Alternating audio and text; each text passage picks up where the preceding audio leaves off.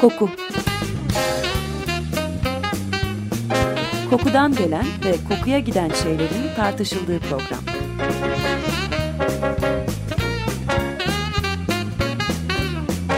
Hazırlayan ve sunan Vedat Ozan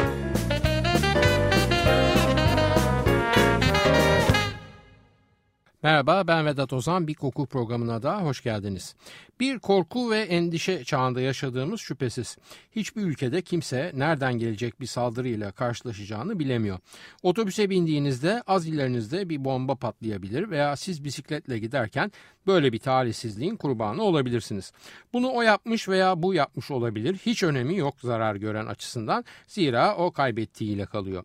Direkt saldırıya muhatap olmamış olanlar da saldırı korkusu altında alınan neredeyse akıl dışı önlemleri onaylamak zorunda hissediyorlar kendilerini. Korkan bir toplumu idare etmekse tahmin edebileceğiniz gibi korkusuz bir toplumu idare etmekten çok daha kolay. 11 Eylül saldırılarının ardından önce Amerika Birleşik Devletleri sonra da hızla yayılan bir dalganın altında kalarak bütün dünya ülkeleri bu tip önlem ve uygulamaların etkisi altına girdiler. Artık herhangi bir alışveriş merkezi veya çok katlı binadan içeri girerken illaki üstünüzde başınızda ne varsa dökülüyorsunuz. Metal para, telefon falan gibi eşyalarınızı bir yana bırakıp bir dedektörün içinden geçiyorsunuz. Hava taşımacılığından bahsetmiyorum bile. Çoğu kez uçmak zorunda olanlar ayakkabılarına kadar aranıp yolculuklarına kahreder hale geliyorlar. Bunlar fiziksel olarak hissettiğimiz rahatsızlıklar ve siz bunlara bir de her an nerede ne yapıyorsak kayıt altına alan o kamusal güvenlik kamera ağlarını ekleyin. Zor yani. Zaten yaşamı sürdürmek her gün yeni maddi gereklerden dolayı gittikçe zorlaşırken bize ait zamanlarda bile böyle bir endişe altında yaşamak sanki ters anlamda kadayıfın üzerindeki kaymak gibi oluyor. Bütün bu önlemler ve rahatsızlıklar da terör ismi verilen bir olgudan hareketle kendilerine hukuksal dayanak buluyorlar. Terör de çok muğlak bir kavram aslında ve nereden baktığınıza göre değişiyor tanımı. Üzerinde mutabık kalınan en genel anlamıyla mevcut çatışmayla ilgisi olmayan sivil unsurların telef edilmesi diye tanımlayacak olsak terörü bu kez Hiroşima ve Nagasaki için ne diyeceğiz? Pirinç tarlasında iş yapan zavallı Japon'un tepesinde patlayan ve komik isimlerle sempatik hale getirilmeye çalışılan o nükleer bombalar gerçekte bu tanımın yani mevcut çatışmayla ilgisi olmayan sivil unsurların telef edilmesi kavramının tam da üstüne düşüp onu da darmadağın etmiyor mu? Ediyor ve etti ancak diyorum ya baktığınız yere göre değişir diye işte o bombayı attırana da bu nedenle terörist demek sıkıyor biraz. Neyse bunlar yüksek politika konuları ve biz burnumuzu haddimiz olmayan şeylere sokmayıp mütevazi programımıza dönelim. Efendim özellikle 11 Eylül saldırısından itibaren saldırının görünür muhatabı olan Amerika Birleşik Devletleri kamuoyunda terör tanımı, ırk ve din kavramlarını da içine alacak şekilde oldukça genişledi. O genişleyince elbette bütçeler de genişledi. Çünkü her olumsuz olaydan yarar sağlayacak en az 3 sektör her zaman var olmaya devam edecek gibi görünüyor.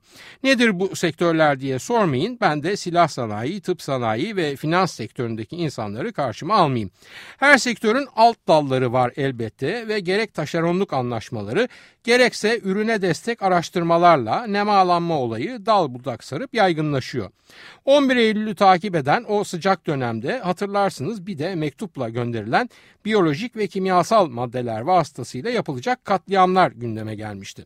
Tehdit kavramı hemen karşıtı olan önlem kavramını doğurdu ve koku sektörü de bu duruma e-burun tabir edilen ve havadaki koku moleküllerinin elektronik bir aygıt tarafından saptanması çalışmalarıyla karşılık verdi.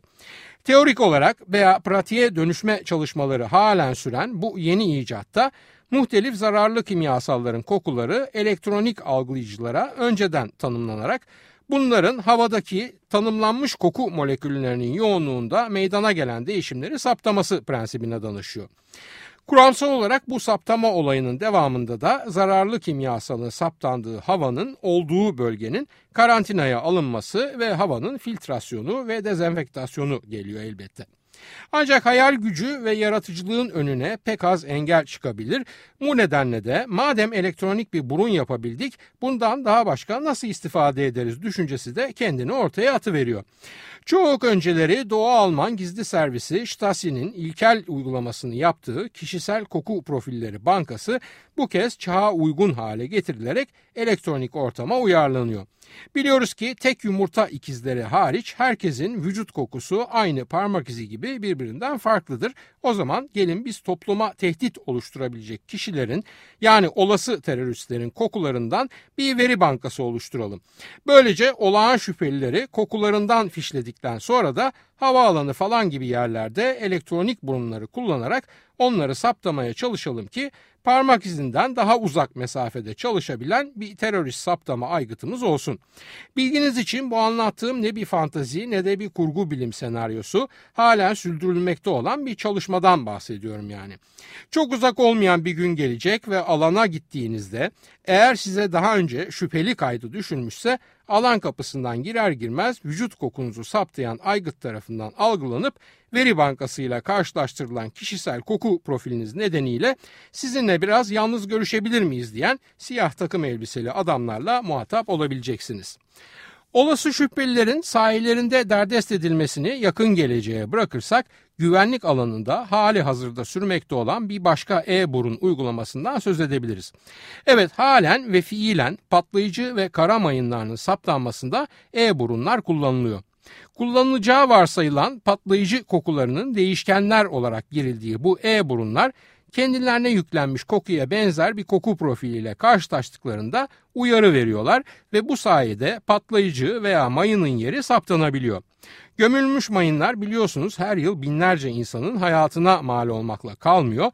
Ayrıca organ kaybına da yol açıyor ve belki bunun kadar önemli olmasa da tarım alanında da engelleyici rol üstleniyorlar. İşin kötüsü bu mayını oraya gömenin işi bitmiş ve o çatışma çoktan sonlanmış dahi olsa hatta çatışan taraflar barışmış ve bunu anlaşmaya dökmüş dahi olsalar mayınların temizlenmesinde gerekli verimlilik sağlanmazsa geçmişin önlemi geleceğin tehdidine dönüşebiliyor ve çatışma bölgesindeki halkın hayatını zehir ediyor. Mayın kelimesi mining yani madencilikten geliyor aslında. İlk ortaya çıkışı da ismine benzer bir şekilde gelişiyor ve düşman hatlarının berisine yer altından tüneller kazarak düşman karargahını çökertmek maksadından doğmuş. Ama sonraları bakılıyor ki göçükten başka bir şey de yapılabilir. Bu kez o yeraltı tünellerinin içine patlayıcı yerleştirilerek düşman hattının gerisinde patlatma işine başlanıyor. Bu dediğim çok eski zamanlar ve 3. yüzyıldan falan söz ediyorum. E zaman bu kadar eski olunca ve işin içine de patlayıcı girince siz de anlamışsınızdır ki bu işi ilk uygulayanlar Çinliler. Avrupa'da ilk uygulamasına ise 16. yüzyılda rastlanıyor ve tarihe kayıt geçilen ilk mayıncı Pedro Navarro isimli bir İspanyol. Navarro bu uygulamayı kuşatma altına alınan İtalyan kalelerinin altından tünel kazarak içeride patlatmalar yaratmak amacıyla kullanıyor. Meşhur Navarro'nun Topları filminin isminin de nereden geldiğini çaktırmadan öğrenmiş oldunuz bu arada farkındaysanız. Evet sulluk etmeyeyim. Daha sonra teknoloji gelişiyor ve bu kez top mermileri toprağa gömülüp üzerine de metal parçaları konulup dokununca patlayan bir düzenekle basanın havaya uçmasına sebep olacak hale getiriliyor. Tabii ki hepsinde şarapnel etkisi yaratacak bu metal parçaları kullanılmıyor. Zira ilerleyen zaman içinde bir kısmı sadece zırhlı araçları tahrip etmek üzere daha güçlü patlayıcılar konularak imal ediliyor. Sadece insanı hedefleyenlere de elbette insan mayını denmiyor. Onun yerine antipersonel mayın ismi daha uygun görülüyor. Bunlarda amaç aslında üzerine basanı öldürmek değil bilakis sakatlamak. Basan asker sakatlanacak ki sıhhiyeci işini bırakıp gelsin, adamın bağırışı arkadaşlarının moralini bozsun vesaire vesaire. Yani bir adamı öldürmektense onu feci bir şekilde yaralamak düşmanı daha derin ve çok yönlü etkiliyor mayın teorisyenlerine göre.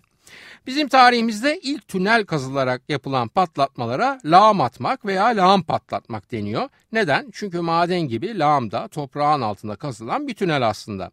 Bilindik formdaki modern mayınlara geldiğimizde ise tarihimizdeki en önemli mayınlar kara mayını değil deniz mayınları oluyor.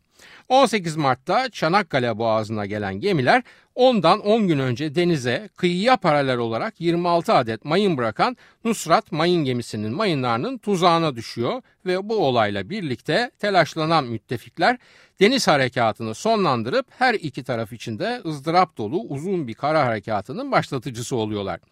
Belki de o gün bugündür ülkemizin batısında yaşayan pek çoğumuzun mayın kelimesini tek duyduğu konuda bu Nusrat'ın döktüğü mayınlar olarak kalıyor. Ancak Güneydoğu için aynı şey geçerli değil ve bir gayya kuyusu vaziyetinde o bölge kara mayınları nedeniyle maalesef.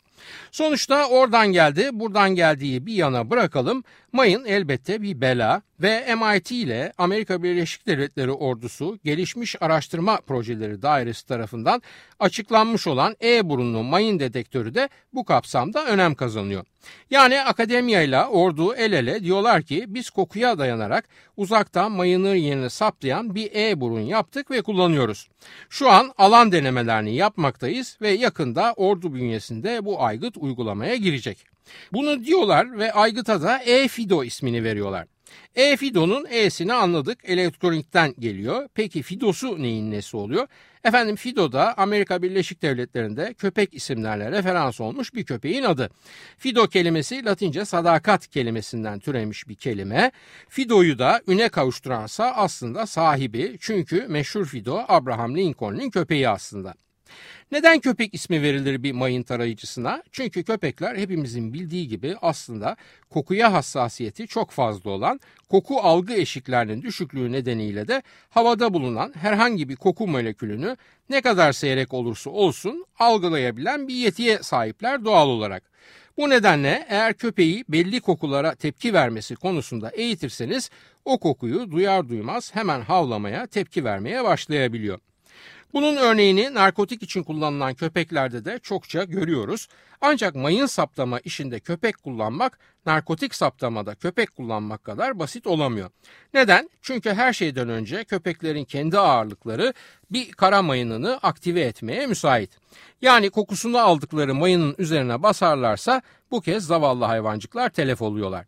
Diyelim ki bu işlerle uğraşanlar zaten insan öldürme profesyonelleri ve hayvanın telef olması umurlarında değil ki muhtemelen öyledir. Bu kez de o hayvanın yetiştirilme ve eğitilme masraflarının boşa gitmesi gündeme geliyor. Yani köpeğin canına kıyamamakla köpeğe harcanan paraya kıyamamak sonuçta aynı yerde buluşuyor ve köpekler mayın saptama işinde yetkin olmalarına rağmen verimli bulunmuyorlar. Ayrıca köpeğin sadece mayını aktive etmekten başka dezavantajları da var. Canları sıkılabiliyor, odaklanmalarını kaybedebiliyorlar, acıkabiliyorlar, mayınlı araziye idrar veya dışkı salabiliyorlar vesaire vesaire. Hülasa köpek iyi koku alıyor ama mayın konusunda pek bir işe yaramıyor. Ne dedik az önce? Hayal gücünü pek az şey sınırlayabilir. Evet köpekler belki işe yaramıyorlar ama umulmadık başka bir hayvan üzerine basıp patlatmadan kokusunu alarak kara mayınlarının saptanması konusunda inanılmaz bir verim vaat edebiliyor. Hangi hayvan bu? E onu da bir kahve molasının sonrasına bırakarak dinleyiciyi merakta koymak gibi bir medya klasiğinden uzak düşmeyelim. Cem Duruöz'ün gitarından dinliyoruz Çile Bülbülüm.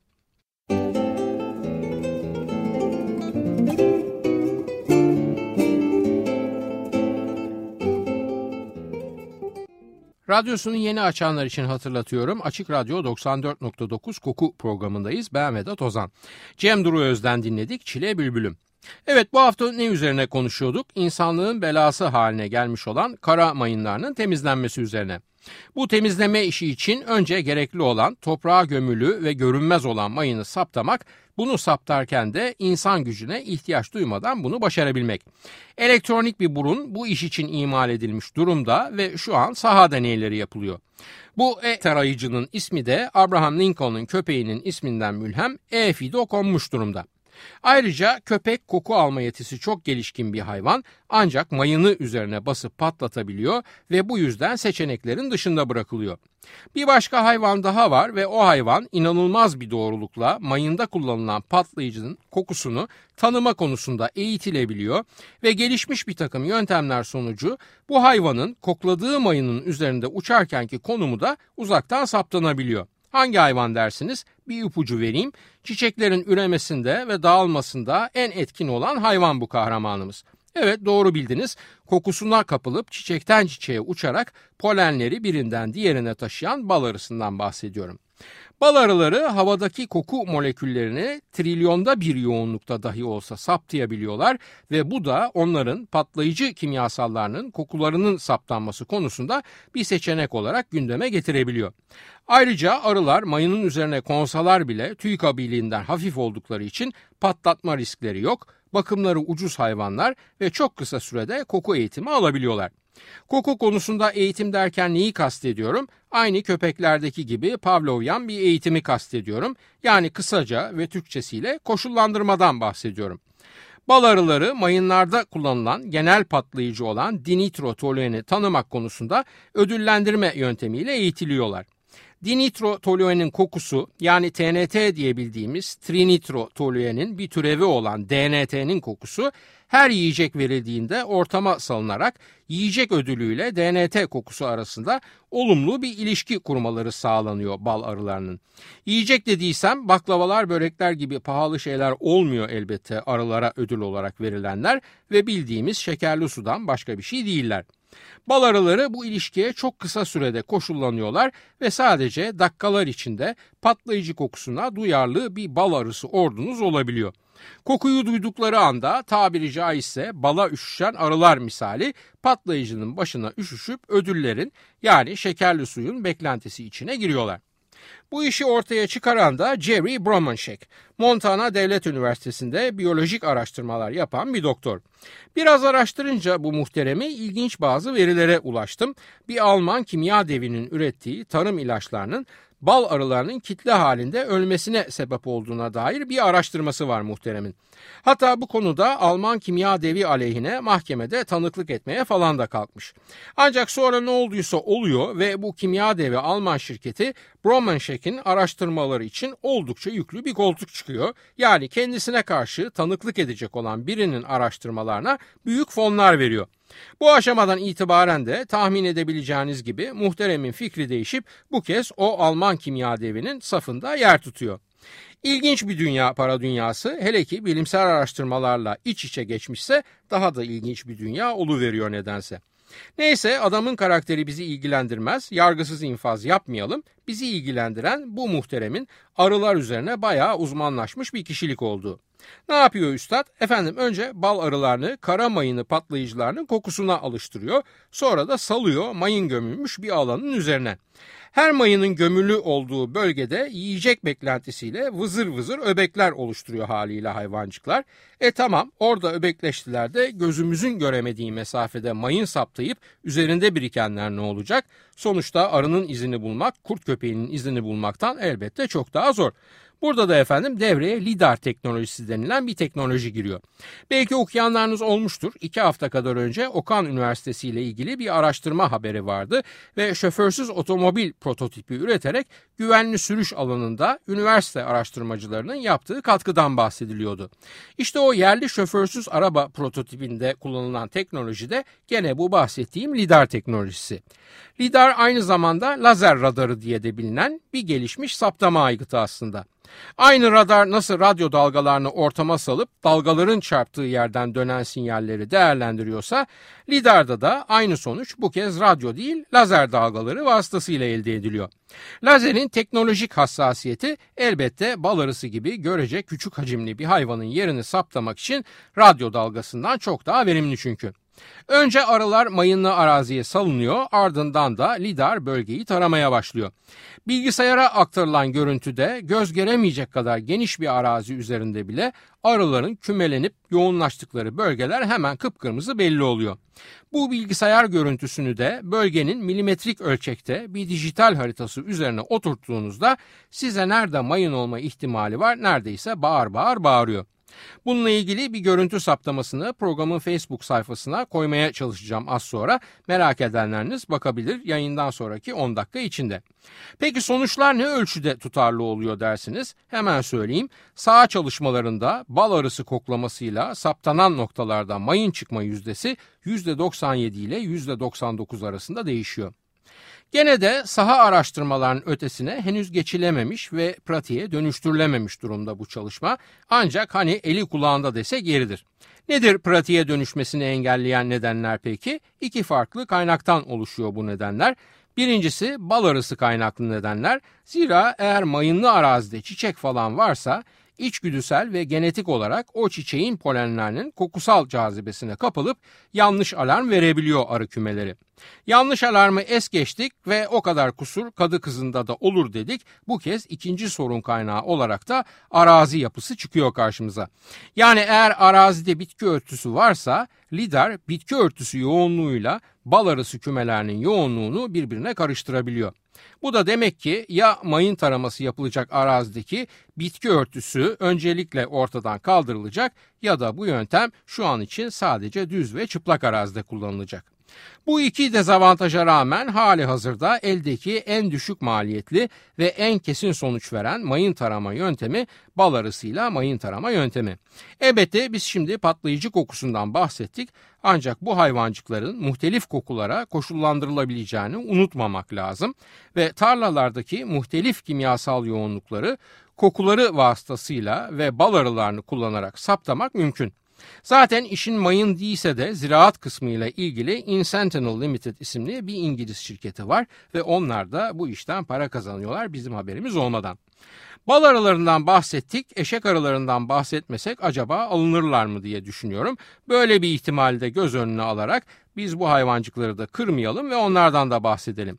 Şu an için güvenlik araştırmalarında özellikle havaalanı güvenliği yani kargo vesaire içinde kimyasal silah ve patlayıcı araştırmalarında yedekte bekletilen seçenek eşek arıları seçeneği. Korkmayın bu yöntem prensip olarak yolcu üzerinde değil kargo üzerinde deneniyor ve yolcu üzerinde denense bile bu eşek arıları insan sokmayan cinsten eşek arıları. Eşek arılarını güvenlik için kullanma fikri onların ekin dolu tarlalardaki hareketlerinin izlenmesinden doğuyor. Özellikle mısır tarlalarında tırtılların mısırı yemek üzere hamle ettikleri sırada Mısırların savunma amacıyla havaya saldıkları bir kokunun eşek arılarını cezbettiği görülüyor. Mısır'ın kokulu alarm çağrısının cazibesine kapılan eşek arılarının da gidip tırtılların üzerine yumurtalarını bıraktıkları bu yumurtalardan çıkan larvaların da tırtılı yedikleri gözlemleniyor. Bu gözlemden hareketle bu kez başka kokuların arıları tahrik edip edemeyeceği araştırılıyor ve görülüyor ki eşek arılarını bir koku konusunda koşullandırmak için 5 dakikadan bile kısa bir süre yeterli olabiliyor. Şimdi eşek arılarında tek sorun bu hayvanların kazara kargo alanı dışına kaçması halinde normal yolcularda ortaya çıkabilecek paniğin nasıl önüne geçilebileceği konusu. Ancak Georgia Üniversitesi'nden ziraat mühendisi Glenn Rains ve Amerika Tarım Bakanlığı'ndan Joe Lewis buna da uygun bir çözüm üretmiş gibiler. Bu çözüm çok basit bir aygıt. Uzunca bir tüp düşünün. Bir ucuna küçük bir pervane, diğer ucuna ise bir web kamerası bağlanmış ve tüpün içinde de eşek arısı dolu. Web kamerası da bilgisayar ekranına bağlı elbette. Normalde uzun tüp içinde dağınık uçan arılar eğer koşullandıkları kimyasalın kokusunu duyarlarsa hemen o yöne doğru kümelenip web kamerası vasıtasıyla aktarıldıkları görüntüleriyle bilgisayar ekranında bir kara nokta veya bir piksel birikintisi oluşturuyorlar. Bu sayede maden dedektörü gibi ancak bu kez görsel bir sinyal alınabiliyor ve hayvanlar da ortalığa salınmadan saptama işlemi gerçekleşmiş oluyor. İşin ilginci eşek arılarının tam 48 saat süresince gerçekten affedersiniz eşek gibi çalışmaları ve yorulmamaları. 48 saat sonunda arılar serbest bırakılıyor ki kalan 2-3 haftalık ömürlerini doğa koşulları içinde doğal olarak huzurla tamamlasınlar. Eşek arısı, bal arısı dışında başka hayvan ve böceklerde hatta sürüngen ve kabuklu hayvanlarda koku yeteneklerinden istifade edilmek üzere ordu araştırma laboratuvarlarında aklınıza hayalinize gelmeyecek pek çok amaç için deneylere tabi tutuluyorlar. Bunların en yakın zamanda gerçekleşecek olanı biraz önce anlattığım bal arılarının mayın saptamak için kullanılma çabaları gibi görünüyor. Koku gibi günlük hayatta üzerinde bile durmadığımız bir duyumuz hep dediğim gibi bizim değil ama bazılarının oldukça fazla ilgisini çekiyor ve bu bazılarının içine her zaman olduğu gibi savunma sanayi de dahil. Haftaya bir başka kokuda buluşmak üzere. Hoşçakalın diyorum efendim. Soru, öneri, eleştirileriniz için e-posta adresimizi hatırlatıyorum. kokuprogrami.yahoo.com Yayınlarımızda adı geçen konulara ilişkin görselleri az sonra facebook.com Taksim Vedat Ozan Koku adresinde de görebilir. Soru ve yorumlarınızı oraya da yazabilirsiniz. Ben Vedat Ozan, radyonuz kokusuz kalmasın sevgilerimle.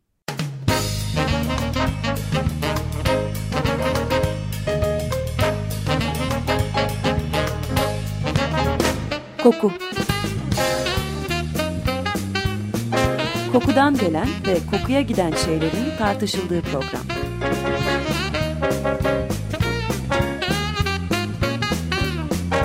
Hazırlayan ve sunan Vedat Ozan